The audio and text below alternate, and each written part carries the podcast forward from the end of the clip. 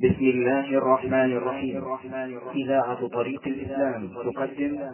تقدم اقتضاء العلم العمل للخطيب البغدادي رحمه الله تعالى. لفضيلة الشيخ محمد صالح المنجم. فهذه الرسالة الثانية في سلسلة رسائل أهل العلم التي نتعرف فيها على بعض ما احتوته تلك الرسائل من الكنوز والعلوم والمواعظ والآداب. والرسالة بعنوان اقتضاء العلم العمل للخطيب البغدادي رحمه الله تعالى. اقتضاء العلم العمل أي أن العلم يقتضي العمل به. مؤلفها هو أحمد بن علي بن ثابت بن أحمد بن مهدي يكنى بأبي بكر وقد اشتهر بالخطيب البغدادي. وقد ذكر الخطيب رحمه الله تعالى في تاريخ بغداد في ترجمة والده أن أصله من العرب وأن له عشيرة كانوا يركبون الخيول وأن مسكنهم بالحصاصة من نواحي الفرات من بلاد العراق. ولم يكن والده من العلماء المشهورين في فن من الفنون وإنما كان له إلمام بسيط بالعلم وقد كان يخطب الجمعة والعيدين بقرية قريبة من بغداد اسمها درزيجان. ولذلك لم يصف الخطيب والده بأنه من العلماء وإنما وصفه بأنه أحد حفاظ القرآن فقال في ترجمة والده في تاريخ بغداد كان أحد حفاظ القرآن. ويبدو أن لقب الخطيب قد استمر من الأب إلى ابنه لأن الخطيب نفسه رحمه الله قد تولى الخطابة كما ذكر ابن كثير رحمه الله في البداية والنهاية أنه كان خطيبا للجمعة والعيدين في بغداد. ولم ينفرد الخطيب البغدادي بهذا اللفظ الخطيب أو بهذا اللقب وقد لقب به عدد من العلماء منهم الخطيب منهم تلميذ الخطيب البغدادي وهو الخطيب التبريزي رحمه الله وآخرون. ولد أبو بكر الحافظ أحمد بن علي بن ثابت يوم الخميس لست بقين من جماد الآخرة سنة 392 للهجرة. ونشأ في كنف أبيه وكان في نشأته قد وكل به أحد القراء ليقرئه القرآن. فتعلم القرآن وحفظه منه ولما بلغ الحادي عشر من عمره بدأ بسماع الحديث ثم درس الفقه ولما بلغ العشرين من عمره عزم على الرحلة في طلب العلم والحديث. وكان الذي قد حفظه القرآن وعلمه الكتابة هو هلال بن عبد الله رحمه الله وتأدب به وهذا ما يفيد أهمية تأديب الأولاد في المرحلة المبكرة وفي سنة 412 للهجرة بدأت المرحلة الثانية من حياته وهي إنشاء الرحلات لجمع الحديث وقام بثلاث رحلات زار فيها ثلاث عشرة ناحية ومدينة من أشهر بلاد المسلمين. وكانت رحلته الأولى إلى البصرة في سنة اثنتي عشر وأربعمائة والتقى بكبار محدثيها ومنهم أبو عمر القاسم بن جعفر بن عبد الله الهاشمي وسمع منه سنن أبي داود وغيره. وعاد إلى بغداد في السنة نفسها وفي الطريق مر بالكوفة والتقى بمحدثيها واستفاد فوائد. وقد ذكر ذلك في تاريخ في كتابه تاريخ بغداد. ولما رجع من هذه الرحلة لم تطل فرحة أبيه به لأن أباه قد توفي رحمه الله في هذه السنة وعادته المنية يوم الأحد نصف شوال من السنة ذاتها. التي رجع فيها الولد من رحلته فتولى ابنه دفنه بنفسه ولم يؤثر ذلك في نيته في الطلب وعزمه عليه. واقتضب الخطيب رحمه الله هذه الحادثة في ترجمة والده فقال توفي يوم الأحد النصف من شوال سنة ثنتي عشرة وأربعمائة ودفنته من يومه في مقبرة باب حرب. ولم يزد على هذا كلمة واحدة. وبعد وفاة والده تابع جمعه للحديث من أفواه المحدثين وطاف على محدثي بغداد يأخذ عنهم الحديث.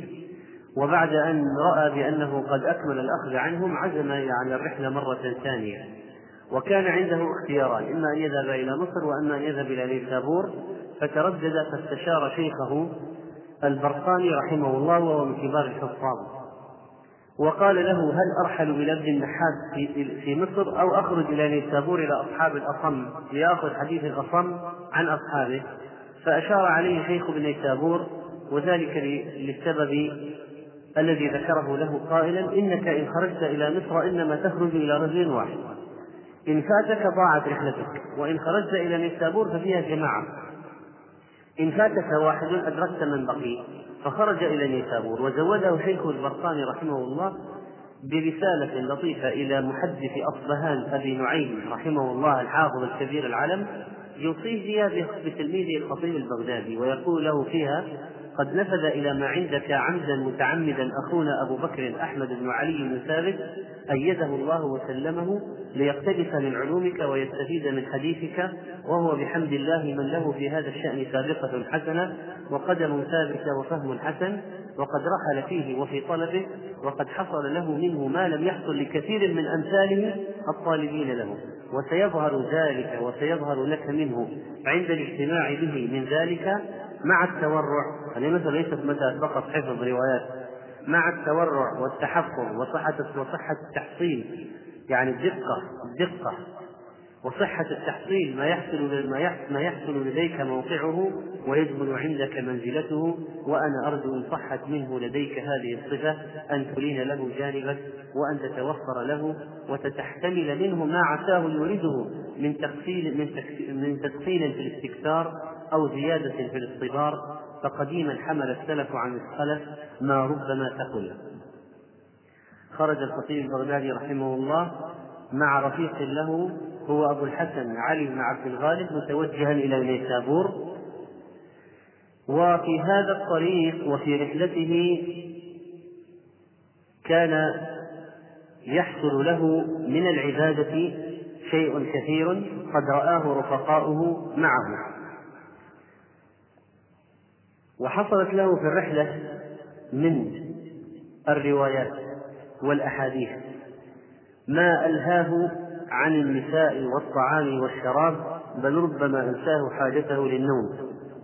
فمن ذلك من العجائب التي حصلت له ويضرب به المثل في سرعة القراءة. وشهد له الحافظ بن حجر رحمه الله بذلك أنه قرأ صحيح البخاري على إسماعيل بن أحمد الضرير في ثلاثة أيام. قراءة على شيخ قراءة على شيخ قراءة الضبط على شيخ. قرأ البخاري كاملا في ثلاثة أيام ولا يعرف أنه حصل لغيره مثل هذا. ورجع بعد ذلك إلى بغداد ورجع إلى بغداد وسمع فيها ذلك أو قرأ فيها ذلك ولما استقر بها. عكف على كتابة كتابه المشهور تاريخ بغداد لما اكتملت فصول الكتاب واجتمعت مادته عزم على أداء فريضة الحج. شكرا لله عز وجل ولتتم النعمة وليتم رحلاته في أقطار العالم الإسلامي في ذلك الوقت. فبدأت الرحلة الثالثة في سنة 444 فتوجه إلى دمشق من بغداد إلى دمشق وسمع من كثير من محدثيها سمع خلقا كثيرا ثم توجه إلى مكة ولم يكن يترك طريقه بدون فائدة بل كان يشغله بتلاوة القرآن الكريم. فيقول أحد مرافقيه وهو أبو الفرج الإسرائيلي كان الخطيب معنا في طريق الحج فكان يختم كل يوم ختمة كل يوم ختمة في طريق الثقة قراءة ترتيل ثم يجتمع عليه الناس وهو راكب يقولون حدثنا فيحدثهم. وهكذا قضى الطريق متقربا إلى الله تعالى بتلاوة القرآن وإسماع الناس الحديث عن النبي صلى الله عليه وسلم. ولما وصل مكة وطاف بيت الله الحرام وصلى ركعتين خلف المقام توجه إلى ماء زمزم وشرب منه ثلاث شربات وسأل الله ثلاث حاجات. آخذا بقول النبي صلى الله عليه وسلم ماء زمزم لما شرب له. وهذه الثلاث هي الأولى أن يحدث بتاريخ بغداد في بغداد والثانية أن يملي الحديث بجامع المنصور وكان جامعا مشهورا لا يحدث به إلا النوادر ممن يؤذن له من الخليفة ومسألة صعبة. والثالثة أن يدفن عند بشر الحافي وهو أحد الورعين الزهاد العباد فتمنى أن يدفن بجانبه. بلغه أن كريم المروزية مجاورة بمكة المكرمة وعندها سماع عال لصحيح البخاري لأن كريم عمرت إلى سن المئة رحمه الله تعالى فذهب إليها وقرأ عليها صحيح البخاري في خمسة أيام. وبعد الانتهاء من فريضة الحج والاجتماع بمحدثي مكة والمشاهدات النافعة التي حصلت له كما قال الله عز وجل ليشهدوا منافع لهم قفل راجعا إلى الشام من الحجاز فمر ببيت المقدس أولى القبلتين ومسر النبي صلى الله عليه وسلم واجتمع بعلمائها مثل أبي محمد عبد عبد العزيز بن أحمد بن عمر المقدسي وسمع منه الحديث. ولعل هذا الدخول لبيت المقدس كان في سنة 446 الهجرة. ثم انتقل بعدها إلى طور وسمع فيها من بعض مشايخها مثل عبد الوهاب بن حسين بن عمر الغزال. وانتهى مكثه بمدينة طور فتوجه راجعا إلى وطنه بغداد حاملا معه رواياته الجديدة ومسموعاته التي تزود بها وبدخوله بغداد انتهت المرحلة الثانية من حياته وبدأت المرحلة الثالثة وهي مرحلة التصنيف والكتابة والإسماع والإملاء. فجعل يجمع المتفرق ويرتب المتناثر من الفوائد والمسموعات التي حصلها ويجعل منها مادة دسمة وغنية لتصانيفه التي كانت بحق من أجود التصانيف خصوصا في علوم الحديث ويعتبر الخطيب البغدادي مجددا في علوم الحديث ويعتبر النقلة التي نقل بها علم الحديث أحد التأليف نقلة كبيرة. فكان العلماء من بعده كلهم في الحديث عاله عليه. كل من أراد أن يؤلف في الحديث لا بد أن يرجع إلى كتب الخطيب رحمه الله تعالى. حتى عدد بعض أهل العلم كتبه بأربعة وخمسين مصنفا إلى عام أربعمائة وثلاثة وخمسين غير ما صنف بعدها أما الحاجة الأولى التي كان سأل الله إياها وهي التحديث بتاريخ بغداد ببغداد فقد حدثت في هذه في هذا الاستقرار فإنه حدث حدث ببغداد بكتاب تاريخ بغداد وأملاه على بعض تلاميذه في حجرة كانت له قرب المدرسة النظامية. وأما الحاجة الثانية وهي إملاء الحديث بجامع المنصور فلم يكن ذلك أمرا سهلا ويصعب على الخطيب أن يقدم التماسات إلى السلطان لكي يسمح له بذلك. ولعل قدر الله يجري كان يتمنى أن يجري قدر الله بشيء يجعل السلطان من نفسه يأذن له بالتحديث أو يعرف رغبته فيأذن له بالتحديث فجرت حادثة سنة 700 سنة 447 للهجرة. كان لها أثر كبير في رفعة مقام الخطيب البغدادي عند السلطان ومن كان في ذلك الوقت آخذا بزمام الأمور. وهذه الحادثة هي أن بعض اليهود قد أظهر كتابا. ادعى هذا اليهودي أظهر رسالة كتاب بخط اليد. ادعى كتاب النبي صلى الله عليه وسلم بإسقاط الجزية عن أهل خيبر. وأن فيه شهادات الصحابة وخط علي بن أبي طالب رضي الله عنه. فرئيس الرؤساء في ذلك الوقت ابن مسلم عرضه على الخطيب. سمع أن الخطيب محقق من المحققين ومؤرخ ومحدث فعرض عليه الرسالة. فقال الخطيب لما طالع الرسالة فورا هذا مزور. فقال من أين لك؟ ما هو الدليل؟ قال في الكتاب شهادة معاوية بن أبي سفيان ومعاوية أسلم يوم الفتح وخيبر كانت في كانت في سنة سبع للهجرة. وفي الحديث في هذا الرسالة أيضا توقيع أو شهادة سعد بن معاذ رضي الله عنه. سعد بن معاذ مات يوم الخندق قبل معركة خيبر. فكيف يشهد سعد بن معاذ الذي مات قبل خيبر على قضية حصلت في خيبر؟ وكيف يوقع معاوية بن سفيان الذي أسلم بعد خيبر على قضية حدثت في خيبر؟ هذه فائدة معرفة التواريخ.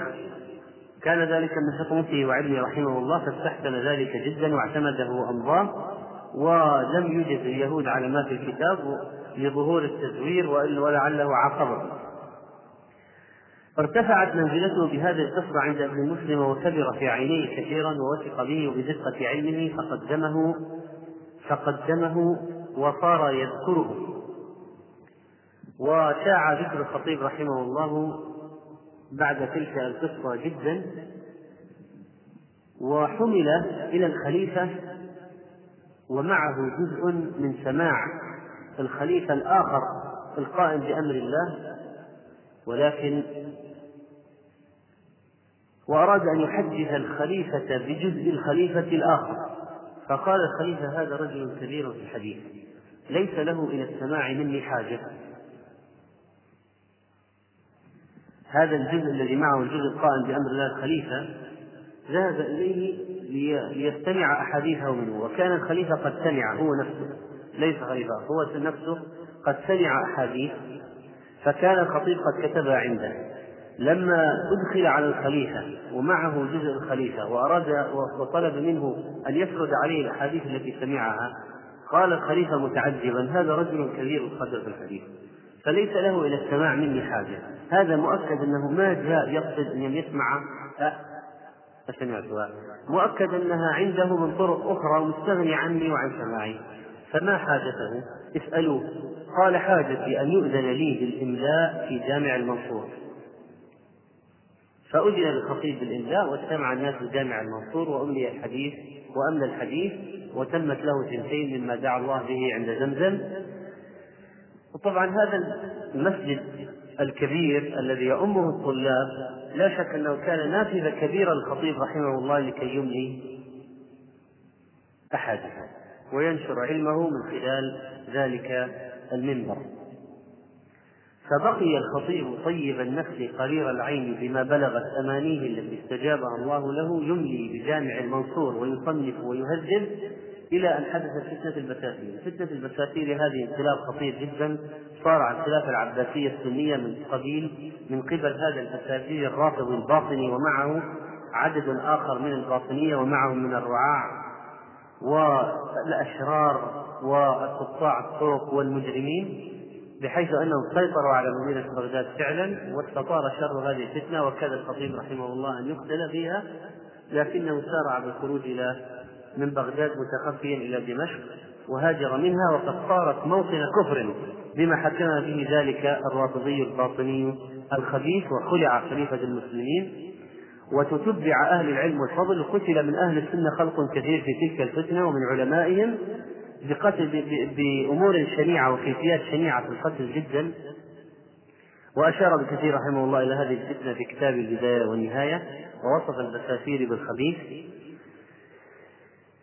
لقد استتر الخطيب رحمه الله وخرج من بغداد في شهر صفر سنة 451 الهجرة مصطحبا كتبه وتصانيفه قاصدا دمشق فوصلها سالما واتخذ المأذن الشرقي من الجامع الأموي مسكنا له وبدأ التدريس في المسجد وصار له حلقة كبيرة.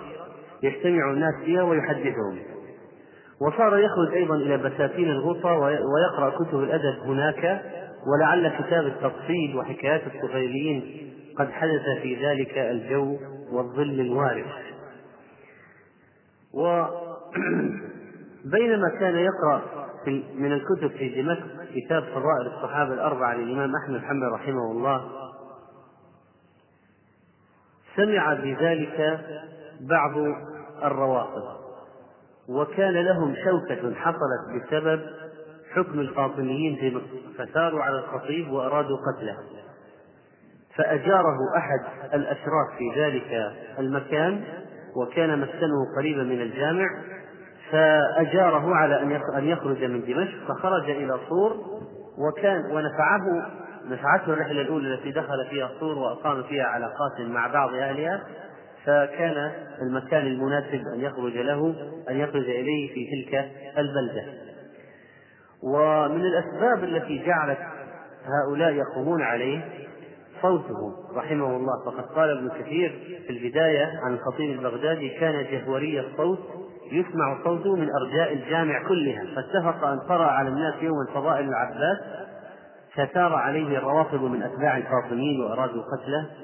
فحصل ما حصل من خروجه إلى صور خرج إلى صور في عام 459 للهجرة وكان فيها بعض أهل العلم وهاجر إليها الآن لا ليسمع كما كان من قبل وإنما ليسمع هو ويملي ويحدث في تلك البلدة وقيض الله له من ينفق عليه في تلك البلدة ويعطيه مالا كثيرا حصل له به اكتفاء. ولما بلغ سبعين سنة وشاخ وشعر بقرب أجله حن إلى بغداد وكان قد وكانت فتنة البساتين قد زالت وعاد الأمر إلى أهل السنة ونصب الخليفة منهم مرة أخرى. فرجع الخطيب رحمه الله في سنة 462 للهجرة سالكا طريق الساحل مارا بطرابلس ودخل فيها واستقر وجلس فيها فترة يسيرة نظر في ضمن من ناظر بعض أهل التشيع هناك وكانت طرابلس تحت حكمهم وتفوق عليه ثم خرج منها قاصدا حلب أقام بها أياما يسيرة يعلم ويحدث وسمع من بعض الشيوخ بحلب منهم أبو الفتح أحمد بن النحاس رحمه الله ثم توجه إلى بغداد فوصلها في سنة 462 في تلك السنة أيضا فاستغرقت رحلة من صور إلى بغداد أربعة أشهر لم يكن يترك في طريقه الفائدة والعبادة والتقرب إلى الله فلا زال على طريقته التي عهدوه عليها في رحلة الحج من ختم القرآن كل يوم ختمة كاملة. ولما وصل إلى بغداد وسر بالوصول إليها بعد فراق دام إحدى عشرة سنة أراد أن يكافئ أحد من صنع إليه معروفا في بغداد فلم يجد, يجد ما يكافئه به أعظم من كتابه تاريخ بغداد وقال لو كان عندي أعز منه لأهديته له. وكانت هذه النسخة من تاريخ بغداد بخط الخطيب نفسه. واستأنف الخطيب بغداد واستأنف الخطيب رحمه الله دروسه بغداد في جامع المنصور بعدما آل الأمر فيها لأهل السنة والخليفة العباسي القائم بأمر الله واجتمع إليه الناس ورجع إليه طلاب الحديث بشوق ولهفة وحنين فحدث بسنن أبي داود من روايته وبكتبه وتواريخه ثم إن الخطيب رحمه الله مرض في نصف رمضان من سنة ثلاث وستين وأربعمائة في حجرته وكأنه لما أحس بدنو أجله وكان عنده شيء من المال والثياب أراد أن يوزع ذلك قبل أن يموت ولم يكن له زوجة ولا أولاد ولا عقب ولا وارث. فلعله أراد أن يختم حياته بالتصدق بما عنده من أموال.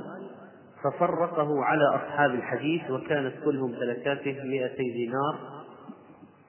وكل في توزيعها أبو الفضل بن خيرون أبا الفضل بن خيرون فوزعها في حياة الخطيب.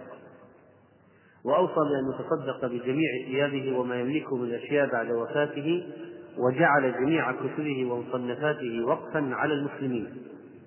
واشتد المرض به في أوائل الحجة سنة 463 للهجرة حتى توفي ضحى يوم الاثنين في السابع من الحجة في تلك السنة رحمه الله تعالى ورضي عنه وأرضاه.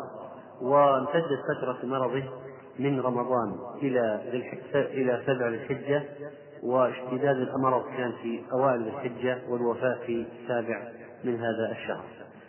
وبوفاته رحمه الله تعالى طويت صفحة عظيمة من صفحات علم الحديث التي ذهب فيها هذا العالم الكبير إلى ربه سبحانه وتعالى.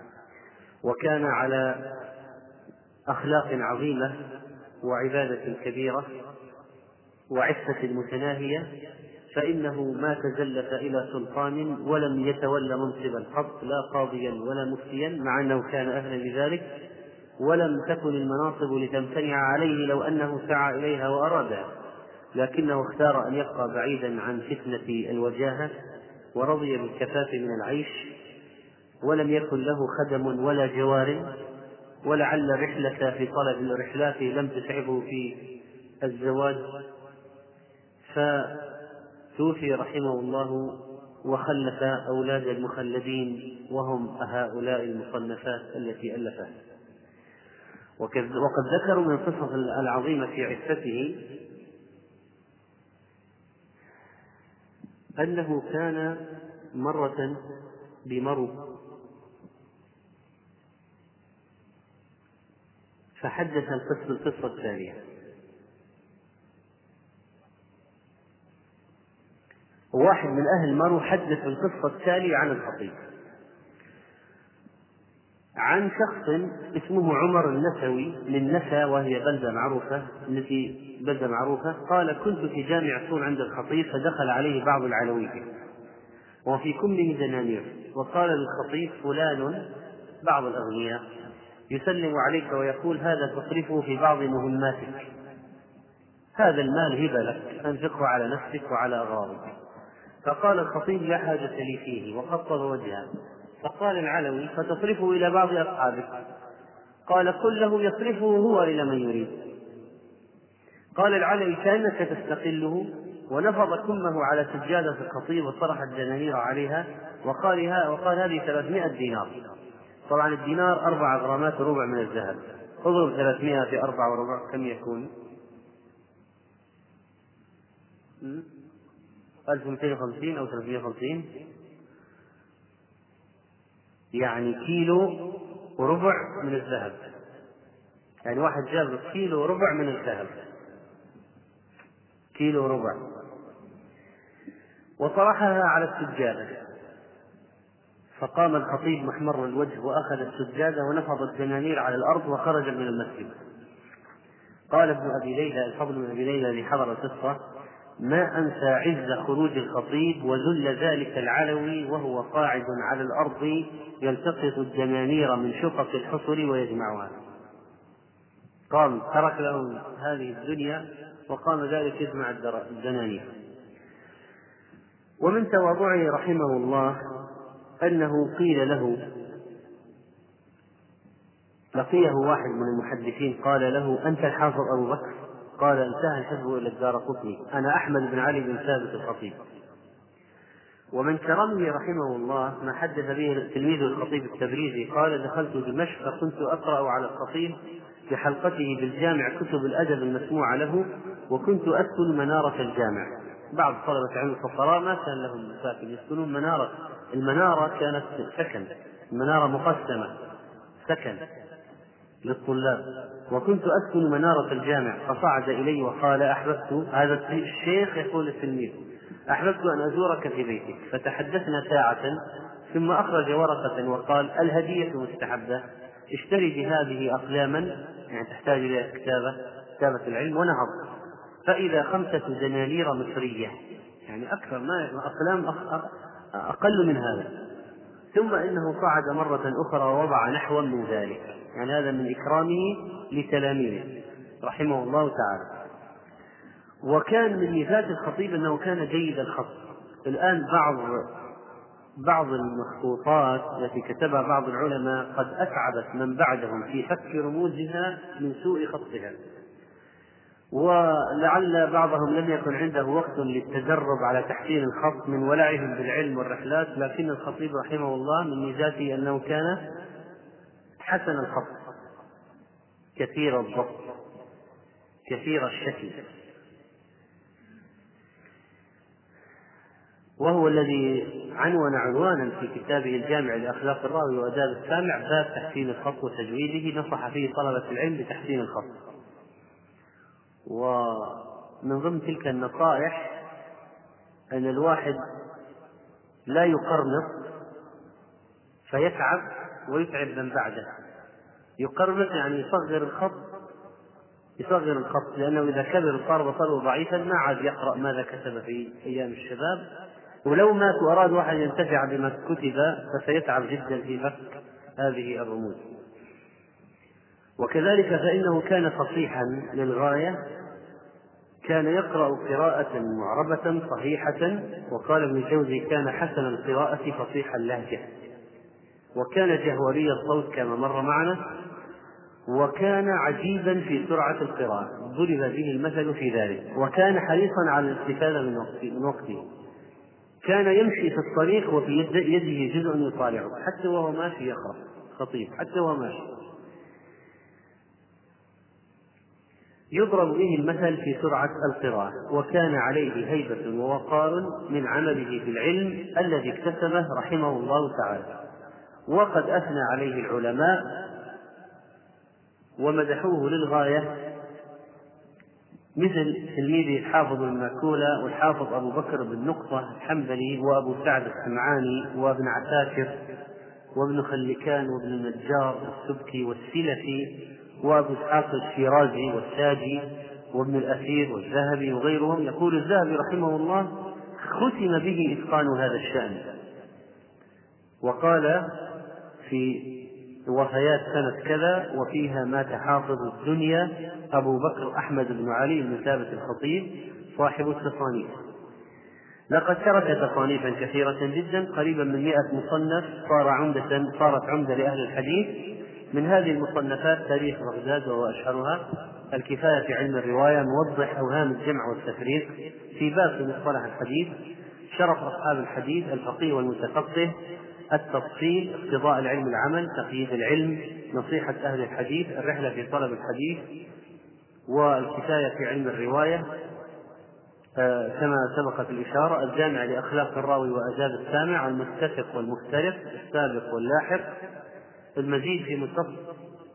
ما يكاد يوجد باب من أبواب المصطلح إلا وتجد فيه للخطيب مصنف. التفصيل لمبهم المراسيل الأسماء المبهمة رواية الآباء عن الأبناء من حدث ونسي غنيمة الملتمس إيضاح في إيضاح الملتبس الأسماء المتواطئة المؤتلف والمختلف إلى آخره هذه كل أبواب في مصطلح الحديث قد غطاها الخطيب رحمه الله تأليفا وتصنيفا.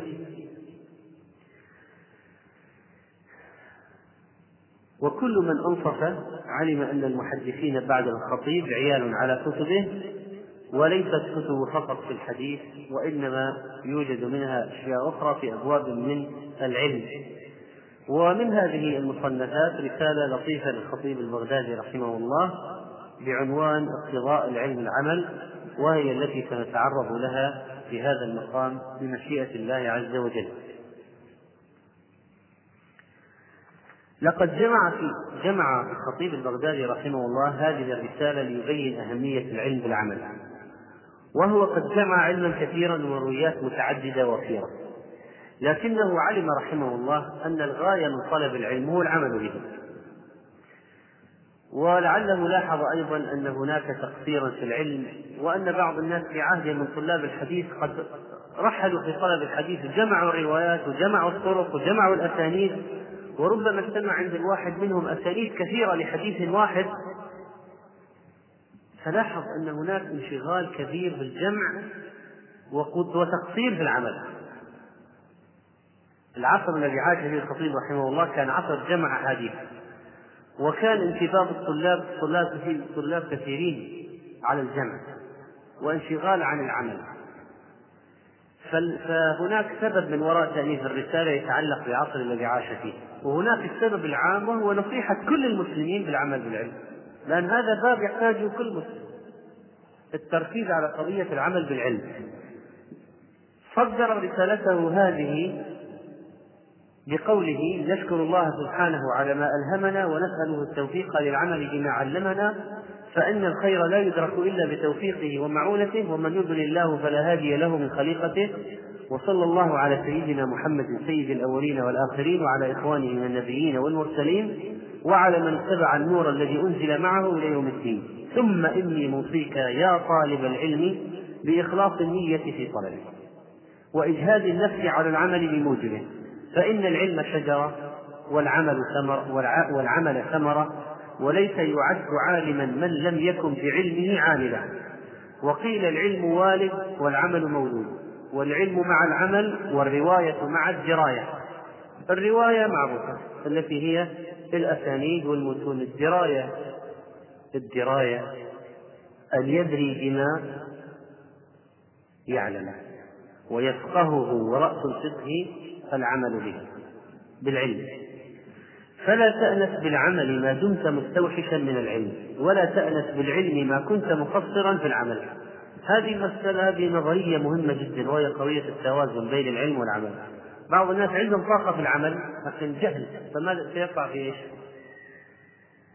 في شيء؟ بدعة والخطأ. وبعض الناس عندهم طاقة في جمع العلم لكن ما عندهم طاقة في العمل.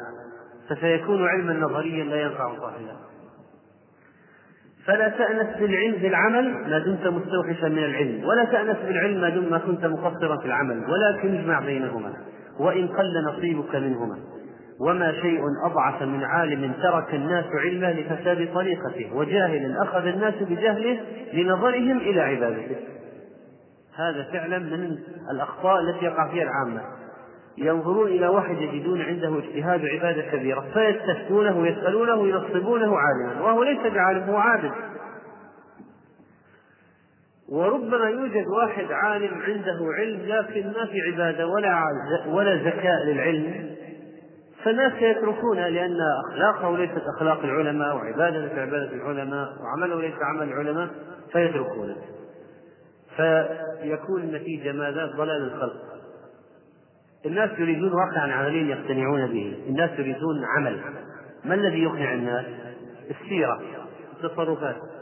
هذه الذي تقنع الناس. قال والقليل مع هذا يعني من العلم مع القليل من هذا من العمل أنجى في العاقبة. إذا تفضل الله بالرحمة وتمم على عبده النعمة. فأما المدافعة والإهمال لا علم ولا عمل. وحب الهوينة والاسترسال وإيثار الخفض والدعة والميل مع الراحة والسعة فإن خواتم هذه الخصال ذميمة وعقباها كريهة وخيمة. وكثير من شباب الصحوة هؤلاء الصحوة امتلوا في هذه الأيام بقضية آه، الميل إلى الدعة والراحة والكسل واللهو واللعب فلم يعد عندهم نصيب في حياتهم إلى الجد في طلب العلم وليس عليهم إلا فيما الالتزام في الظاهر من لحية وتقصير ثوب ولكن في باطن الأمر لا تجد علما جيدا ولا عملا. مجتهدا فيه. قال والعلم يراد للعمل كما العمل يراد للنجاة. فإذا كان العمل قاصرا من العلم كان العلم كلا على العامل على العالم. ونعوذ بالله من علم عاد كلا وأورث ذلا وصار في رقبة صاحبه ذلا. قال بعض العلماء العلم خادم العمل والعمل غاية العلم. يعني أنت لماذا تتعلم؟ لماذا؟ ما هو ما هي النهاية؟ ما هي الغاية من وراء التعلم؟ لأي شيء تتعلم؟ لتعمل. فإذا بعض بعض الناس عندهم عندهم انخداع لمنهج الغربيين الضلال الكفرة. الذين يقولون العلم عن العلم والقراءة القراءة والثقافة للثقافة. يعني أن العلم لذاته يقصد لذاته. ولذلك تراهم يسلكون سبلا ليست نافعة في العلم إطلاقا. تلقى الواحد منهم يتخصص ربما يأخذ هذا الدكتوراه في شيء تافه وسخيف جدا. يفني عمره فيه. مثلا بعضهم في الآثار في الآثار. والتحف الموجودة من من الحضارات القديمة. دكتوراه في التحف والآثار. ما هي فائدة؟ ما هي فائدة؟ وربما واحد تخصص في اللغة الهيروغليفية. معه دكتوراه في اللغة الهيروغليفية. إيش الفائدة؟ اللغة انقرضت وراحت. ويفني عمره فيه. ليه؟ لأن عند الغربيين مبدأ العلم للعلم. المسلمين عندهم مبدأ العلم للعمل. وهذا الفرق بيننا وبينهم. فرق كبير. ولذلك تضيع أعمارهم كثير منهم تضيع أعمارهم في أشياء تافهة. وبعض من من أبناء المسلمين قلدهم ذهب إلى بلدانهم تعلم مثلهم على طريقتهم. ورجعوا بتخصصات تافهة سخيفة أمضى سنوات طويلة وأبحاث في إيش؟ يقول العلم هذا يعني العلم لأجل العلم. فما عند المسلمين شيء العلم العلم العلم العلم وسيلة لغاية وهو العمل.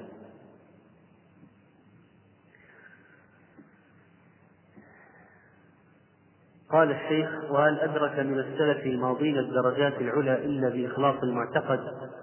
وهل أدرك من السلف الماضين الدرجات العلى إلا بإخلاص المعتقد والعمل الصالح والزهد الغالب في كل ما راق من الدنيا؟ وهل وصل الحكماء إلى السعادة العظمى إلا بالتشمير في السعي والرضا بالميسور وبذل ما فضل عن الحاجة للسائل والمحروم؟ وهل جامع كتب العلم إلا كجامع الفضة والذهب؟ وهل المنهوم بها إلا كالحريص الجشع عليهما؟ وكما لا تنفع الأموال إلا بإنفاقها كذلك لا تنفع العلوم إلا لمن عمل بها وراعى واجباتها. فالآن سبب واحد يجهد يجهد عمره في جمع المال. يكسب المال يجمع المال يكسب المال. ولا يستفيد منه ما ينفق منه شيئا ولا يستمتع به حتى هل هذا عاقل؟ وهل استفاد شيئا مما جمع لا. فكذلك الذي يحرص على جمع العلم دون عمل. فلينظر امرؤ لنفسه وليغتنم وقته فإن السواء قليل. السواء البقاء في الدنيا قليل والرحيل قريب والطريق مهوس والاضطرار غالب والطريق والطريق مخوف والاغترار غالب والخطر عظيم والناقد بصير والله تعالى بالمرصاد وإليه المرجع والمعاد فمن يعمل مثقال ذرة خيرا يره ومن يعمل مثقال ذرة شرا يره. بعد هذا شرع الخطيب رحمه الله في إيراد الأحاديث والآثار الكثيرة التي جمعها عن النبي صلى الله عليه وسلم والصحابة والتابعين والسلف في هذه المسألة وهي قضية العمل بالعلم. فصدره بحديث النبي صلى الله عليه وسلم لا تزول قدم عبد يوم القيامة حتى يسأل عن أربع عن عمره فيما أفناه وعن علمه ماذا عمل فيه وعن ماله من أين اكتسبه وفيما أنفقه وعن جسمه فيما أبلاه وهذا حديث صحيح أخرجه المصنفون من أهل العلم في كتبهم. لا تزول قدم عبد يوم القيامة حتى يسأل عن أربع عن عمره فيما أفناه وعن ماله من أين اكتسبه وفيما أنفقه وعن علمه ماذا عمل فيه. والجسد فيما أبلاه رابعه. وبعض الأحاديث التي ساقها الخطيب رحمه الله في هذا الكتاب ضعيفة. وأكثر من ضعيفة في بعضها ولكن كما ذكر العلامة الألباني رحمه الله في تعليقه على هذه الرسالة لعل عذر الخطيب رحمه الله في ذلك أن العالم يسوق الإسناد المحدث إذا ساق بالإسناد فإنه يكون قد حملك أنت أيها القارئ المسؤولية قال لك هذا إسنادي فلان عن فلان عن فلان. أنت تحمل مسؤولية البحث عن صحة أو في صحة هذا الحديث. وكذلك فإن بعض الطرق قد يكون الطريق التي ساقها الخطيب ضعيفة لكن الحديث له طرق أخرى صحيحة أو يتحسن بها بمجموع الحديث بمجموع طرقه. ولعل الخطيب رحمه الله اشتغل في الجمع فترة طويلة من عمره. ولم يكن عنده نصيب كاف من الوقت لتحقيق ما جمع. ونقله والتعليق عليه وعلى كل حديث هذا صحيح أو ضعيف ونحو ذلك. لكن طريقة العلماء عندهم فهم. الخطيب رحمه الله ليس جماعا فقط. جماع ناقد. وعنده أصول النقد واضحة وتأليفه في المصطلح واضحة أنها تدل على علو الكعبي في هذا العلم علم الحديث. لا أخفى عليه تخفى عليه العلل لكنه ربما لم يكن عنده الوقت لكي ينخل كل ما جمع ويكتب بجانب كل حديث صحته. أو طريقة العلماء كانوا يكتبون للعلماء وطلبة العلم والعلماء وطلبة العلم في قراءة الأسانيد يعرفون هم ولا يحتاج الواحد يقول له هذا حسن وهذا ضعيف أو هذا ضعيف وهذا صحيح بينما نحن الآن في جهلنا بعلم الحديث ما عندنا قدرة على التمييز في الأسانيد إلا ما ندر من ندر ولذلك نحتاج بجانب كل حديث أن يعلق لنا عليه صحيح ولا ضعيف. لأن هذا أوان وهذا زمان قد اضمحل فيه العلم. وذهب كثير منه. ولم يع... لا, يع... لا ليس أكثر الناس عندهم قدرة على التمييز بين الصحيح والضعيف.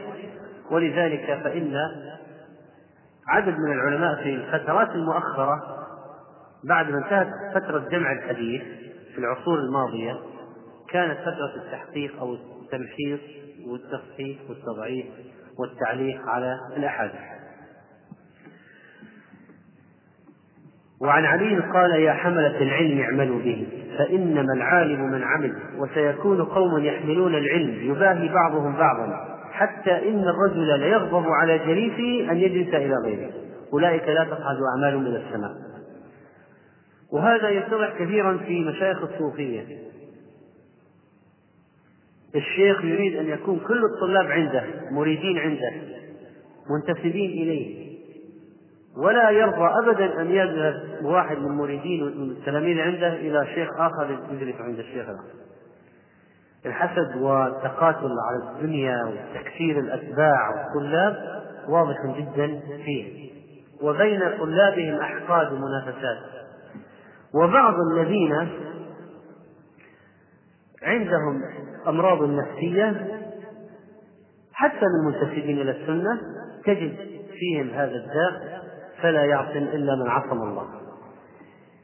فلا يعصم إلا من عصم الله وينبغي على الإنسان أن يدل الطلاب على الفائدة والخير.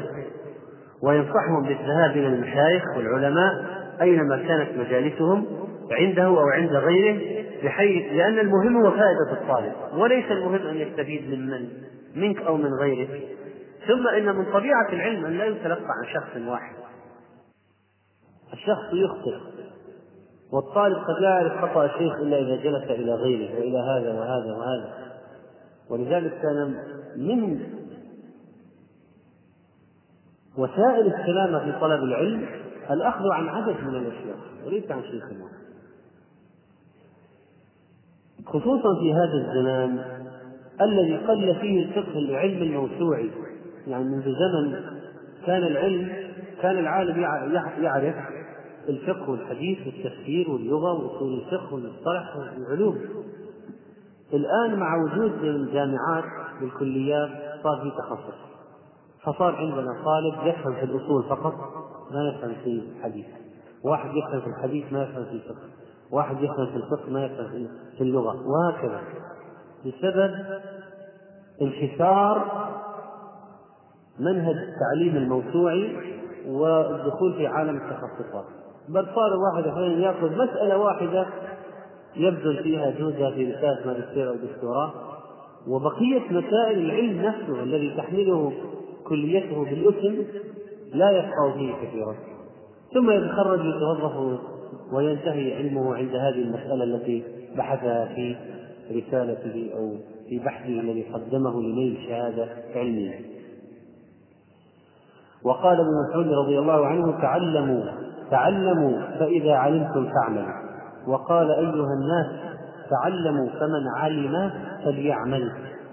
وجاء عن أبي هريرة رضي الله عنه أنه قال مثل علم لا يعمل به كمثل كنز لا ينفق منه في سبيل الله عز وجل. وقال الزهري رحمه الله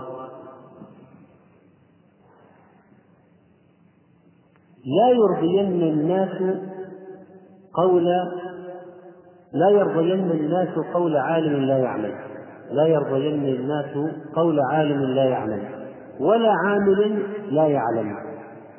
فالذي يرضيهم العلم والعمل. العلم والعمل والإيمان قرينان لا يصلح كل واحد منهما إلا مع صاحبه. وعن أبي الدرداء رضي الله عنه قال إنك لن تكون عالما حتى تكون متعلما ولن تكون متعلما حتى تكون بما علمت عاملا. وقال بعضهم الناس كلهم هلك إلا العالمون والعالمون هلك إلا العاملون والعاملون هلك إلا المخلصون والمخلصون على خطر. لماذا؟ لأنه قد لا يختم له بالإخلاص. يمكن ينحرف في آخر عمره. الدنيا جهل وموات إلا العلم والعلم كله حجة على الإنسان إلا العمل به والعمل كله هباء إلا الإخلاص والإخلاص على خطر عظيم حتى يختم به. وقال سهل بن عبد الله رحمه الله العلم أحد له فإذا عمل به صار للآخرة. وقال الخواط ليس العلم بكثرة الرواية وإنما العالم من اتبع العلم واستعمله واقتدى بالسنن وإن كان قليل العلم. وقال عباس بن أحمد في قوله تعالى والذين جاهدوا فينا لنهدينهم سبلنا قال من هم هؤلاء الذين قال الله فيهم؟ والذين جاهدوا فينا لنهدينهم سبلنا قال الذين يعملون بما يعلمون نهديهم إلى ما لا يعلمون فيعلمونه وقال يوسف بن حسين في الدنيا طغيانان طغيان العلم وطغيان المال. والذي ينجيك من طغيان العلم العبادة والذي ينجيك من طغيان المال ما هو؟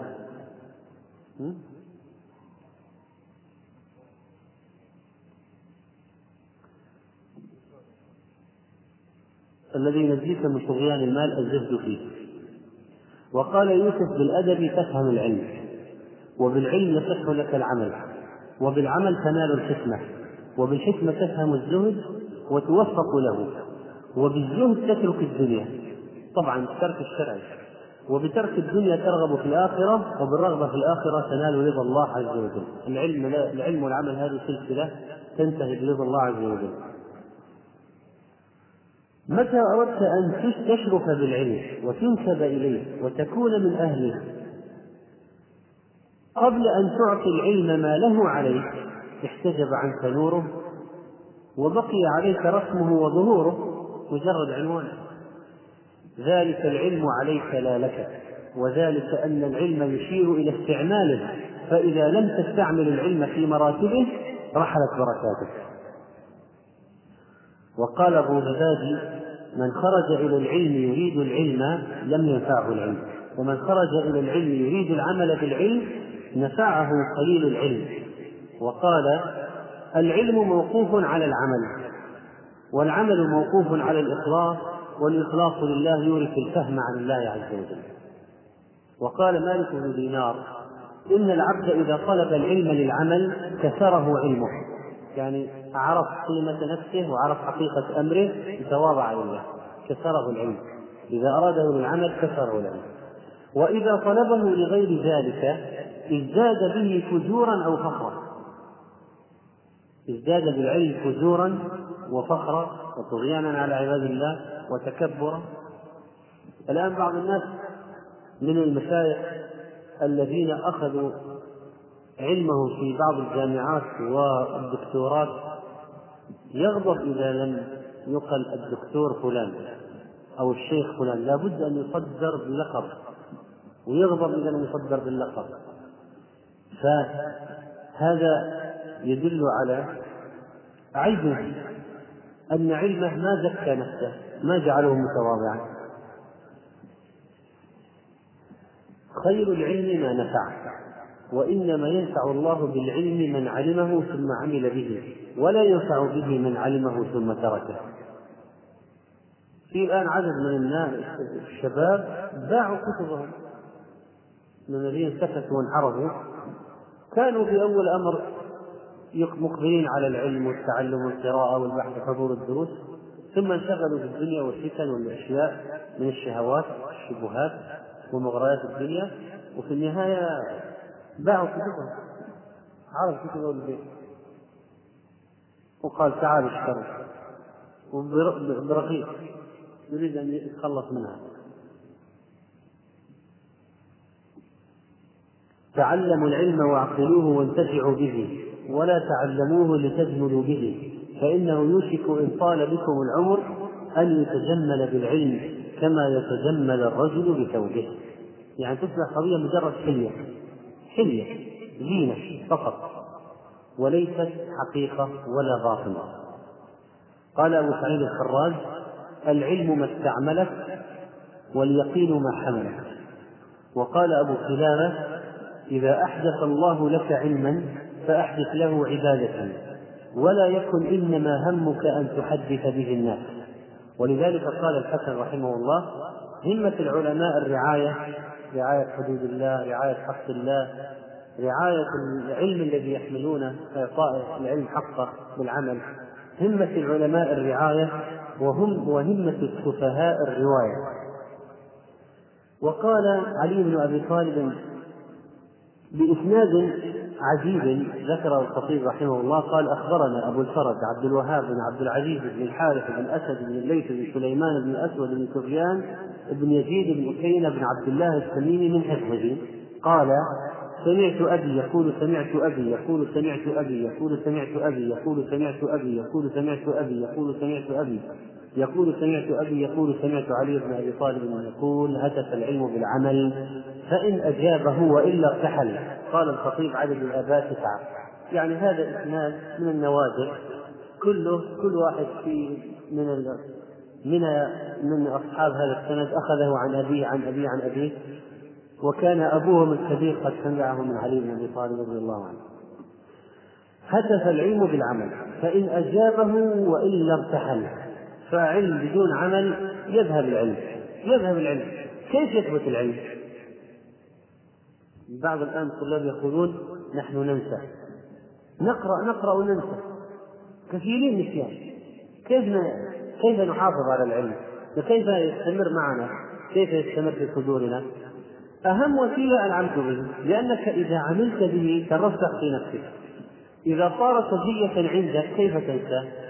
خذ أي حديث في أي ذكر من الأذكار أو أي صلاة من الصلوات النافلة أي مسألة من المسائل. لما تعمل بها تصبح مقررة عندك في نفسك سجية لك في طبعك عادة من عاداتك فما تنساه لكن إذا كان مجرد علم نظري لا تعمل به فنسيانه سهل. قال الفضيل رحمه الله لا يزال العالم جاهلا بما علم حتى يعمل به فإذا عمل به كان عالما وقال عبد الله بن معتز علم بلا عمل كشجرة بلا ثمرة. وقال أيضا علم المنافق في قوله وعلم المؤمن في عمله. وأنشد محمد بن أبي علي الأصبهاني لبعضهم أبيات لطيفة يقول فيها اعمل بعلمك تغنم أيها الرجل لا ينفع العلم إن لم يحسن العمل والعلم زين وتقوى الله زينته والمتقون لهم في علمهم شغل وحجة الله يا ذا العلم بالغة لا المكر ينفع فيها لا ولا الحيل تعلم العلم واعمل ما استطعت به لا يلهينك عنه اللهو والجدل. وعلم الناس واقصد نفعهم أبدا. إياك إياك أن يعتادك الملل. وعظ أخاك برفق عند زلته. فالعلم يعطف من يعتاده الزلل. وإن تكن بين قوم لا خلاق لهم فأمر عليهم بمعروف إذا جهلوا فإن عصوك فراجعهم إلى ضجر واصبر وصابر ولا يحزنك ما فعلوا فكل شاة برجليها معلقة عليك نفسك إن جاروا وإن عدلوا وقال يونس بن ميسرة تقول الحكمة تبتغيني يا ابن آدم؟ وأنت واجدني في في حرفين. عبارتين جملتين تعمل بخير ما تعلم وتذر شر ما تعلم. تعمل بخير ما تعلم وتذر شر ما تعلم. وعن أبي الدرداء قال إنما أخاف أن يكون أول ما يسألني أن يكون أول ما يسألني عنه ربي أن يقول قد علمت. فما عملت فيما علمت. وقال إن أخوف ما أخاف على نفسي أن يقال لي يا عويمر هذا اسم أبو الدرداء. هذا اسم أبي الدرداء. عويمر يا عويمر هل علمت؟ فأقول نعم. فيقال لي فماذا عملت فيما علمت؟ والحسن البصري رحمه الله يقول ليس الإيمان بالتحلي ولا بالتمني ولكن ما وقر في القلب وصد في القلوب وصدقته الأعمال. طبعا بعض الناس يروي هذا حديثا مرفوعا لكن ما يصح عن النبي صلى الله عليه وسلم إنما هو من كلام الحسن البصري رحمه الله. من قال حسن وعمل غير صالح رده الله على قوله ومن قال حسنا وعمل صالحا رفعه العمل. وذلك بأن الله يقول إليه يصعد الكلم الطيب والعمل الصالح يرفعه. والعمل الصالح يرفعه. فالعمل الصالح يرفع صاحبه والعمل الصالح يرفع إلى الله عز وجل. وقالوا في قوله تعالى وكل إنسان ألزمناه طائره في عنقه. ما هو طائره؟ قالوا عمله. وقال حفص بن حميد دخلت على داود الطائي أسأله عن مسألة وكان كريما. فقال أرأيت المحارب؟ إذا أراد أن يلقى الحرب أليس يجمع آلته؟ يستعد للمعركة والقتال يجمع السلاح أليس يجمع آلته؟ فإذا أفنى عمره في الآلة فمتى يحارب؟ واحد فقط يجمع السلاح يجمع السلاح يجمع السلاح طول عمره متى يحارب؟ إن العلم آلة العمل فإذا أفنى عمره في جمعه فمتى يعمل؟ هكذا يكون حال الذي يجمع ولا يعمل. وقال أبو عبيد القاسم بن سلام سمعني عبد الله بن إدريس أتلهف على بعض الشيوخ. يعني الذين فاتوني مات الشيخ فلم يلحق به قال يا أبا عبيد مهما فاتك من العلم فلا يفوتنك العمل. الشيخ راح مات رحمه الله. لكن علمه باقي. فتتحسر على فواته اعمل بما تركه من علم. تفلح هذا الخير العظيم والتعويض الكبير وقال أبو الدرداء رحمه الله رضي عنه وأرضاه ويل للذي لا يعلم وويل للذي يعلم ولا يعمل سبع مرات هذا الكلام لماذا؟ لأن بعض الناس يقول إذا كان العلم حجة لماذا نتعلم؟ نبقى في جهلنا أحسن فنقول وهل إذا بقيت في جهلك ستكون معذورا عند الله؟ إذا لم تتعلم وبقيت في جهلك أنت معذور بالجهل؟ لأن بعض سمع عن مسؤولية العلم وماذا على المتعلم من الوزر إذا لم يعلم قال بلا تعلم بلا تعلم نقول وماذا ستكون في جهل غير معذور به يؤاخذ عند الله تقع في الحرام تقع في البدع فأي شيء هذا؟ وقد قال النبي صلى الله عليه وسلم مثل العالم الذي يعلم الناس الخير وينسى نفسه كمثل السراج يضيء للناس ويحرق نفسه. وفي رواية مثل الذي يعلم الناس الخير وينسى نفسه مثل الفتيلة تضيء للناس وتحرق نفسها. فالذي يعلم الناس خير إضاءة لكن إذا كان لا يعمل هو فسيكون محرقا لنفسه.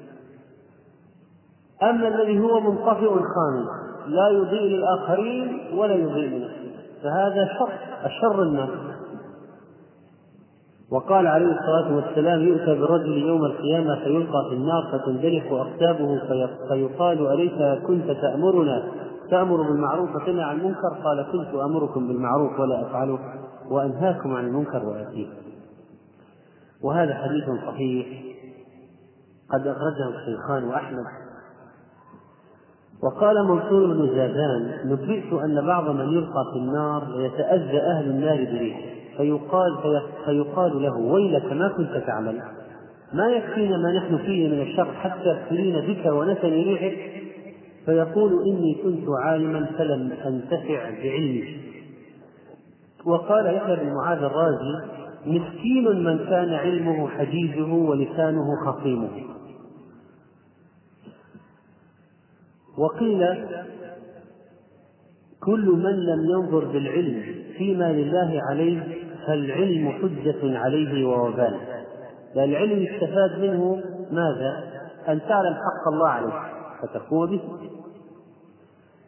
إذا العلم لم تعمل به كان حجة عليك ولم تعذر بما أنت حامله فإن كنت قد أبصرت هذا فإنما يصدق قول المرء ما هو فاعل.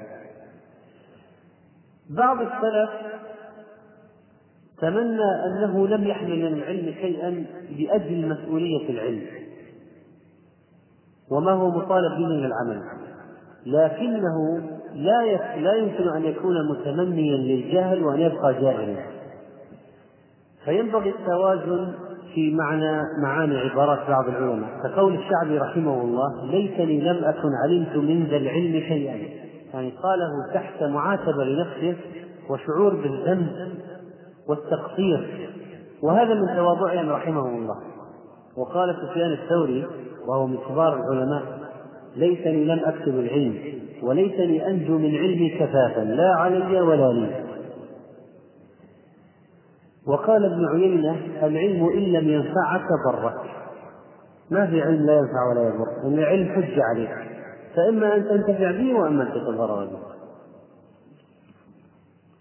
وعن مالك بن دينار قال إنني وجدت في بعض الحكمة لا خير لك أن تعلم ما لم تعلم ولا تعب ولم تعمل بما قد علمت فإن مثل ذلك مثل رجل اختطب حطبا. الآن هو يريد أن يضرب مثل لأي شيء. واحد عنده علم ما عمل به يريد أن يتعلم زيادة. واحد عنده علم ما عمل به ويريد يتعلم زيادة. قال لا خير لك أن تعلم ما لم تعلم ولم تعمل بما قد علمت. تضيف علوم إضافية؟ وما بعد عملت بالعلم الأول. فإن مثل ذلك مثل رجل اختطب حطبا فحزم حزمة ذهب يحملها فعجز عنها فضم إليها أخرى. فضم إليها وقال محمد وقال محمد بن علي الصوري الصوري بالنسبة إليه صور وهي إحدى البلدات التي دخلها الخطيب رحمه الله. كم إلى كم أغدو إلى طلب العلم مجدا في جمع ذاك حفيا؟ طالبا منه كل نوع وفن وغريب ولست أعمل شيئا. وإذا كان طالب العلم لا يعمل بالعلم كان عبدا شقيا إنما تنفع العلوم لمن كان بها عاملا وكان تقيا. وقد جاء في حديث عوف بن مالك الأشجعي رضي الله عنه أن رسول الله صلى الله عليه وسلم نظر إلى السماء يوما فقال هذا أوان رفع العلم. فقال له رجل من الأنصار يقال له زياد بن لبيد يا رسول الله يرفع العلم وقد أثبت ووعته القلوب فقال رسول الله رسول الله صلى الله عليه وسلم إن كنت لأحسبك من أفقر أهل المدينة. ثم ذكر ضلالة اليهود والنصارى على ما في أيديهم من كتاب الله. فلقيت شداد بن أوس فحدثت بحديث عوف بن مالك فقال صدق عوف ألا أخبرك بأول ذلك يرفع؟ قلت بلى. قال الخشوع لا ترى خاشع واضح الكلام الآن على؟ على العمل بالعلم. أنه أول يرفع أول ما يرفع بركة العلم تزول بقلة العمل من ذلك زوال الخشوع. حتى يؤدي ذلك في النهاية إلى أن يكون الناس فيهم من يقول لا إله إلا الله يسأل واحد مع الآخر عن معناها يقول سمعتها من جدي وأبي ولا أعرف معناها. في آخر الزمان. تنتهي المسألة إلى عاد أن تصبح كلمة التوحيد طلسا من الطلاسم لا يعرف معناها والحديث السابق حديث صحيح قد أخرجه أحمد والحاكم وغيرهم وقال بعضهم خرج رجل يطلب العلم فاستقبله حجر في الطريق فإذا فيه منقوش اقلبني ترى العجب وتعتذر. قال فأقلب الحجر فإذا فيه مكتوب أنت بما تعلم لا تعمل كيف تطلب ما لا تعلم؟ فرجع الرجل. لعل واحد كتب في طريق طلاب الحديث وكل ما جاء واحد قرأها ردها وقال عطاء كان فتى يختلف إلى أم المؤمنين عائشة رضي الله عنها فيسألها وتحدثه. فجاءها ذات يوم يسألها فقالت يا بني هل عملت بعد بما سمعت مني؟ قال لا يا والله يا أمة. فقالت يا بني فبما تستكثر من حجج الله علينا وعليك؟ أخذت نصيبا اعمل به تعال خذ غيره. وقال شعبة ما أنا على شيء مقيم أخاف أن يدخلني النار غيره غير هذا العلم الذي تعلمته أخشى أن يدخلني النار بعدم علمي بعدم عملي به. وقال ابن مسعود إني لأحسب العبد ينسى العلم كان يعلمه بالخطيئة يعملها والخطيئة عكس العمل بالعلم. فالخطايا تنفي العلوم. إن العالم إذا لم يعمل بعلمه زلت موعظته عن القلوب كما يزل القطر عن الصحر يعني أن عدم العمل بالعلم يسبب نفور الناس من العالم وزوال هيبتهم من القلوب وبعدهم عنه. ثم عقد الخطيب رحمه الله بابا مهما بعنوان باب ذم طلب العلم المباهاة به والمراءاة فيه ونيل الأغراض وأخذ الأعواض عليه مثل الذين يطلبون علم الشهادات يريد وظيفة يقول ما قبلنا في القسم العلمي ولا الجامعة ما قبلنا في الطب والهندسة ندخل شريعة نأخذ شهادة أطلع قاضي أطلع مدرس وهكذا. يعني يبغى شهادة العملية كلها الدراسة من أولها إلى آخرها في كلية الشريعة لأجل الشهادة. قال النبي صلى الله عليه وسلم من طلب العلم ليباهي به العلماء أو يماري به السفهاء أو يصرف به وجوه الناس إليه فهو في النار. هذا الحديث أخرجه الخطيب البغدادي رحمه الله بإسناد ضعيف جدا في هذا الكتاب لكن الحديث رواه ابن ماجه وله أسانيد والحديث حسنه الألباني في صحيح الجامع من تعلم علما يبتغى به وجه الله. لا يتعلمه إلا ليصيب به عرضا من الدنيا لم يجد عرف الجنة يوم القيامة. حديث صحيح. أخرجه أحمد وغيره. معناه لو واحد جاء إلى علم شرعي الذي يبتغى به وجه الله علم الشريعة تعلمه لأجل أن يصيب به عرضا من الدنيا فقط. ما يجد ريح الجنة يوم القيامة وعرفها هو ريحها وقال الحسن من طلب العلم ابتغاء الآخرة أدركها ومن طلب العلم ابتغاء الدنيا فهو حظه منها. ضرب مثل عالم السوء فقيل مثل العالم السوء كمثل حجر وقع في ساقية. حجر كبير وقع في ساقية مجرى ماء. فلا هو يشرب من الماء الحجر هذا حجر صلب لا هو يشرب من الماء ولا هو يخلي عن الماء فيحيي به الشجر فيحيا به الشجر. ولو أن علماء السوء نصحوا لله في عباده فقالوا يا عباد الله اسمعوا ما نخبركم به من نبيكم وصالح سلفكم فاعملوا به ولا تنظروا إلى أعمالنا هذه الفشل الفشلة فإن قوم مفتونون كانوا قد نصحوا لله في عباده ولكنهم يريدون أن يدعوا عباد الله إلى أعمالهم القبيحة فيدخلوا معهم فيها. وجاء في بعض المواعظ القديمة يا علماء السوء جعلتم الدنيا على رؤوسكم والآخرة تحت أقدامكم قولكم شفاء وعملكم داء. مثلكم مثل شجرة الدفن تعجب من رآها وتقتل من أكلها. شجرة الدفن هذه الشجر مر أخضر حسن المنظر من برا خلاقل والبلاء من داخل فهذه هذا مثل الذي عنده كلام علم لكن عمل لا يوجد. ويلكم يا عبيد الدنيا ماذا يغني عن الأعمى سعة نور الشمس وهو لا يبصرها؟ كذلك لا يغني عن العالم كثرة علمه إذا لم يعمل به. ما أكثر أثمار الشجر وليس كلها ينفع ولا يؤكل وما أكثر العلماء وليس كلهم ينتفع بما ينتفع بما علم. فاحتسبوا هذه نصيحة للناس يعني أن يحتسبوا تحفظوا وينتبهوا يحذروا من العلماء الكذبة الذين عليهم لباس الصوف منكسين رؤوسهم إلى الأرض. قولهم مخالف فعله مخالف فعلهم. من يشتري من الشوك العنب ومن الحنظل التين؟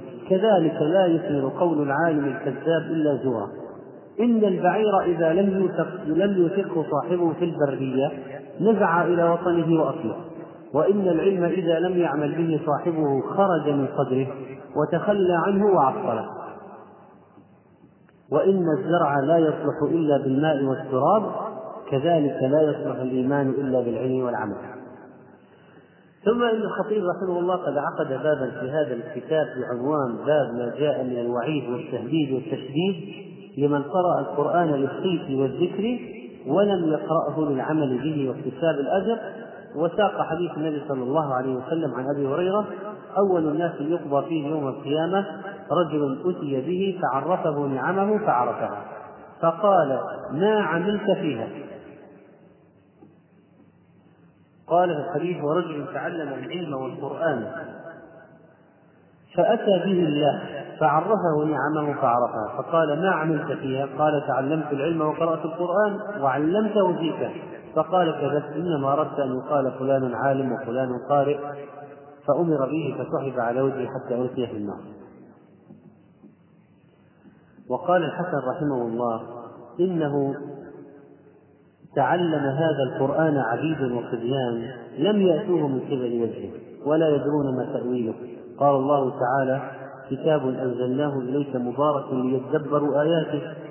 ما تدبر آياته؟ اتباعه بالعمل. وإن أولى الناس بهذا القرآن من اتبعه. وإن لم يكن يقرأ. يقول أحدهم يا فلان تعال أقارئك متى كانت القراءة تفعل هذا؟ يعني بعض بعض القراء من زمان الحفظة بعضهم يقول بعض تعال تعال نتنافس أنا وياك في القراءة ومن أحفظ ومن أجود ومن أتقن ولا ينظرون إلى مسألة العمل وقال عمر رضي الله عنه لا يغرنكم من قرأ القرآن إنما هو كلام يتكلم به ولكن انظروا من يعمل بالقرآن من يعمل بالقرآن. ولذلك فإن هناك أناسا قد أقاموا حروف القرآن وعطلوا معانيه وحدوده. وقد حدثنا النبي صلى الله عليه وسلم ليلة أسري به على قوم تقرض شتاهم بمقاريض من نار كلما قرضت وفت ورجعت. فقلت يجري من هؤلاء؟ قال خطباء أمتك من أمتك الذين يقولون ولا يفعلون ويقرؤون كتاب الله ولا يعملون. ولذلك كانوا يحذرون من القراء الذين لا يعملون بالقرآن. فقال أيوب السختياني لا خبيث أخبث من قارئ فاجر.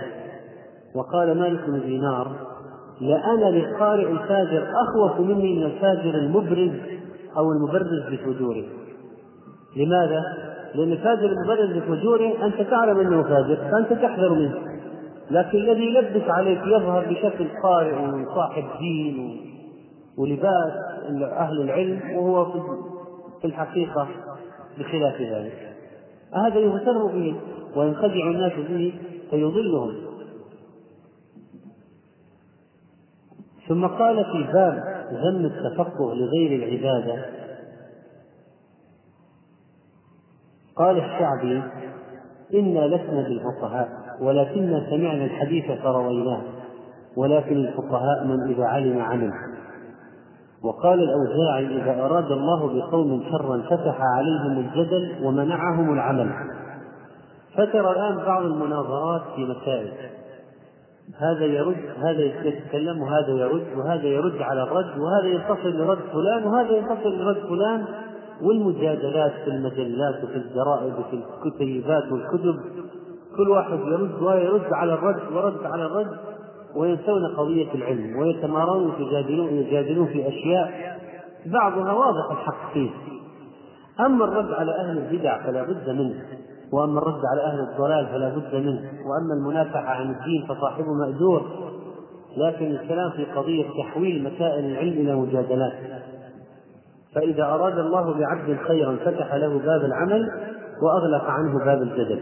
وإذا أراد الله بعبد شرا فتح له باب الجدل وأغلق عنه باب العمل. وقال أبو نعيم دخلت على جفر وقد غرغرت نفسه في صدره. يعني عند الموت. فرفع رأسه إلي فقال يا أبا نعيم وجدت أن الذي كنا فيه كان تسبيحا.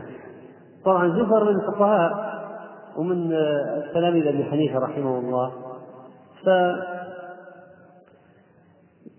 يقول وجدنا كثير من المسائل التي تكلمناها بدل ما تكلمنا بها كان التسبيح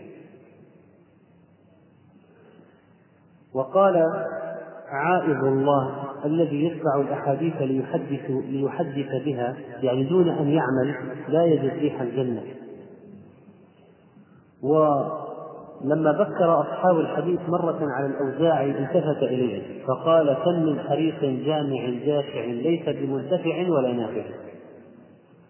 وقال الفضيل وقال الفضيل لشخص جاءه لو طلبت مني الدنانير كان أيسر إلي من أن تطلب مني الأحاديث. فقلت له لو حدثتني بأحاديث فوائد ليست عندي كان أحب إلي من عددها من الدنانير قال إنك مفتون أما والله لو علمت بما قد سمعت لكان لك في ذلك شغلا عما لم تسمع. ثم قال سمعت سليمان بن مهران من هو سليمان بن مهران؟ من هو؟ الأعمش قال إذا كان بين يديك طعام تأكله فتأخذ اللقمة ترمي بها خلف ظهرك واحد أمامه طعام يأخذ لقمة ويرمي خلف ظهره يأخذ لقمة ويرمي خلف ظهره متى تشبع وهكذا الذي يجمع العلم دون أن يعمل يجمع يجمع يجمع ثم ثم ماذا؟ ماذا أنت بأي شيء انتفع؟ وقال سفيان بن عيينة من ورعه رحمه الله لو قيل لي يعني يوم القيامة لما طلبت الحديث ما دريت ما أقول.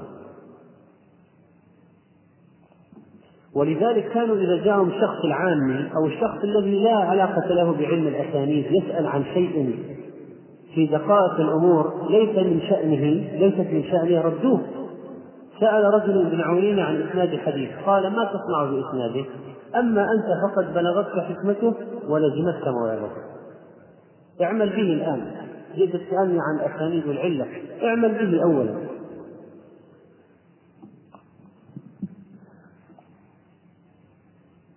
وقال خلاد بن يزيد وكان من أجل الناس وأعبدهم أتيت سفيان بن عيينة. فقال جاء يطلب حديث. قال إنما يأتي بك الجهل لابتغاء العلم. لو اقتصر جيرانك على علمك كفاهم. ثم كوم كومة من حصى ثم شقها بإصبعه ثم قال هذا العلم أخذت نصفه ثم جئت تبتغي النصف الباقي. فلو قيل أرأيت ما أخذت؟ هل استعملته فإذا صدقت قلت لا فيقال لك ما حاجتك إلى ما تزيد به نفسك وكرا على وكر استعمل ما أخذت أولا. استعمل ما أخذت أولا. وسئل سفيان بن عيينة من العالم؟ قال الذي يعطي كل حديث حقه. الذي يعطي كل حديث حقه. وما حق الحديث؟ العمل به. ولذلك كانوا يربون طلابهم على العلم العمل بالعلم. و ولذلك قال بعضهم لطلابه لما جاءه يطلب منه سماع حديث قال حتى تعملوا بما تعلمون تأتوني فأحدثكم.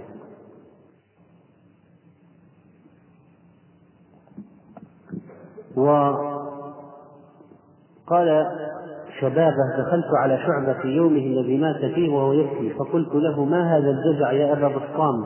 أبشر فإن لك في الإسلام موضعا. فقال دعني فلوددت أني وقاد حمام وأني لم أعرف الحديث. أي من ثقل من ثقل مسؤولية العلم عليه. يقول أنا ما أدري يمكن العلم الذي أخذته هذا جمعته حجة عليه. قد لا أكون عملت عملت به فألقى الله وعليه حجة. هذا العلم الذي تعلمته. ولذلك كانوا يحاربون تكفير الأسانيد تكفير الأسانيد وطلب التكفير وعدم العمل بالنافع وتعلم الشيء الجديد الذي ينفع. ولذلك لما قيل قال شخص لأبي زرعة جمعت جمعت حديث من 100 طريق حديث واحد جمعت من 100 طريق. قال أخشى أن يكون هذا داخلا في قوله تعالى ألهاكم التكاثر.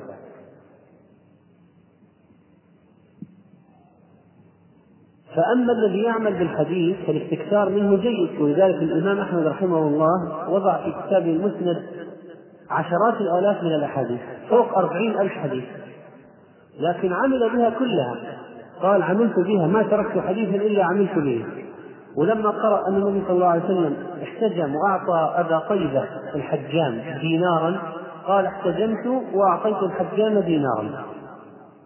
وأعطيت الحجام دينارا. دينار ترى أربع غرامات وربع من الذهب يعني فوق 200 ريال.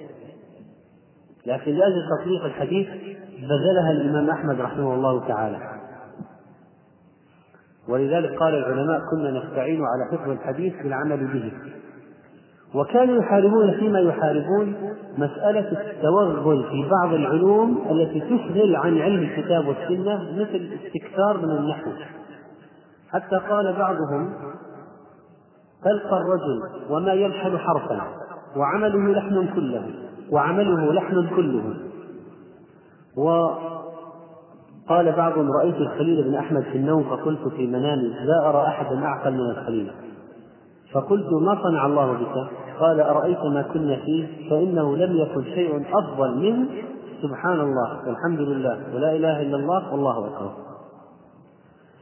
ورؤي فقيل له بما نجوت؟ قال بلا حول ولا قوة إلا بالله العلي العظيم. قلت كيف وجدت علمك؟ علم العروض والأدب والشعر. قال وجدت هباء منثورا فيبلى لسان كان يعرب لفظة فيا ليته في وقفة العرض يسلم. وما ينفع الإعراب إن لم يكن ثقا وما ضر ذا تقوى لسان معجم.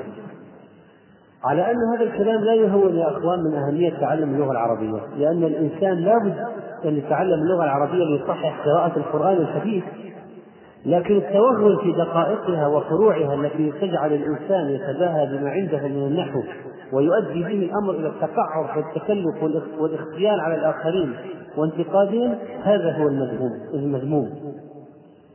ولذلك لما قيل لبعضهم يا أبا نصر أنت رجل قرأت كذا وكذا فلم لا تتعلم العربية حتى تصحح يعني لسانك قال ومن يعلمني يا أبا الفضل. قال أنا يا أبا نصر. قال فافعل. قال قل ضرب زيد عمرا. فقال له يا أخي ولم ضربه؟ قال يا أبا نصر ما ضربه. إنما هذا أصل وضع مثال فقط. قال هذا أوله كذب لا حاجة لي فيه فهذا طبعا الكلام ينبغي أن يفهم فهم الصحيح وهو أن تعلم اللغة العربية لا بد منه ولا يمكن خصوصا في هذا الزمان الذي صار فيه تجهيل باللغة العربية. حتى صار الواحد يفتح القرآن لا يعرف معناه من ضعف اللغة العربية. لا بد من تعلم اللغة العربية ما نفهم به القرآن والسنة. لكن الخوض في دقائقها وتفاصيلها الذي يصرف عن علم القرآن والسنة وعن الفقه وعن العمل هذا هو المذموم. ولا بد أن يكون الإنسان عاملا يتخذ من علمه زادا لمعاده ينفعه يوم القيامة. قال الحسن رحمه الله يتوسد المؤمن ما قدم من عمله في قبره. يعني قبرك في قبرك رأسك في قبرك موضوع على وسادة ما هي الوسادة؟ العلم. قال يتوسد المؤمن ما قدم من عمله في قبره. إن خيرا فخير وإن شرا فشر. فاغتنموا المبادرة رحمكم الله في المهلة. هذه المهلة الدنيا. وقال بعضهم فما لك يوم الحشر شيء سوى الذي تزودته قبل الممات إلى الحشر. إذا أنت لم تزرع وأبصرت حاصدا ندمت على التفريط في زمن البدر. إذا أنت لم ترحل بزاد من التقى ولقيت بعد الموت من قد تزود ندمت على أن لا تكون مثله كمثله. وأنك لم ترصد بما كان أرصده والناس مفتونين بنعمة الصحة والفراغ. يا أخوان الآن بعض الناس يعني النبي صلى الله عليه وسلم لما قال الفراغ والصحة نعمتان مغبون فيهما كثير من الناس. عنده مال. بعض الناس ورث عن أبيه عقارات ورث عن أبيه عقارات يأتيه رزقه بكرة وعشية. ما ينقصه شيء. تراه في الصباح نوم وفي الليل يلعب فلوس إلى الفجر. وعنده عقارات تدر عليه.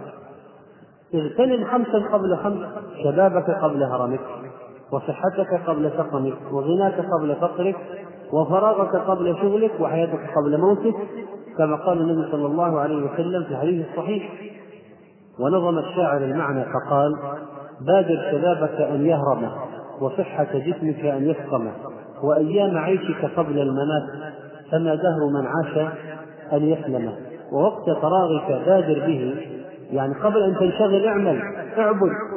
ليالي شغلك في بعض ما وقدم فكل امرئ قادم على بعض ما كان قد قدم. وقال معاوية بن قرة أكثر الناس حسابا يوم القيامة الصحيح الفارغ. ورأى شريح جيران له يجولون مثل تجد الآن شباب في الشوارع يتفتعون رأى ناس يتفتعون في الشارع. قال ما لكم؟ قالوا فرغنا اليوم خلصنا أشغالنا. والذي عنده حلقة علم خلصها والذي عنده قال وبهذا أمر الفارغ الفارغ أمر بأن يتفكع.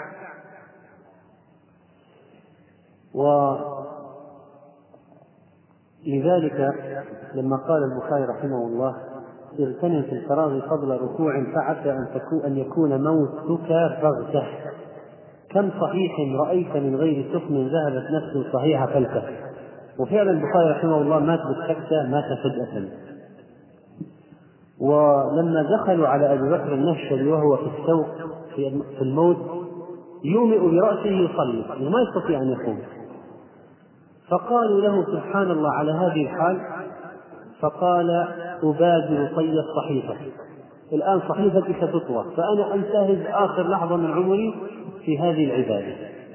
اغتنم ركعتين زلفى إلى الله إذا كنت ريحا مستريحا وإذا ما هممت بالنطق في الباطل فاجعل مكانه تسبيحا. ولذلك بعض أهل العلم إذا جاء واحد يجادل بين يديه قال سبح سبح سبح. فاجعل مكان إذا هممت بالنطق الباطل فاجعل مكانه تسبيحا. فينبغي اغتنام الصحة والفراغ والحذر من التأجيل. وصلى الله وسلم على نبينا محمد.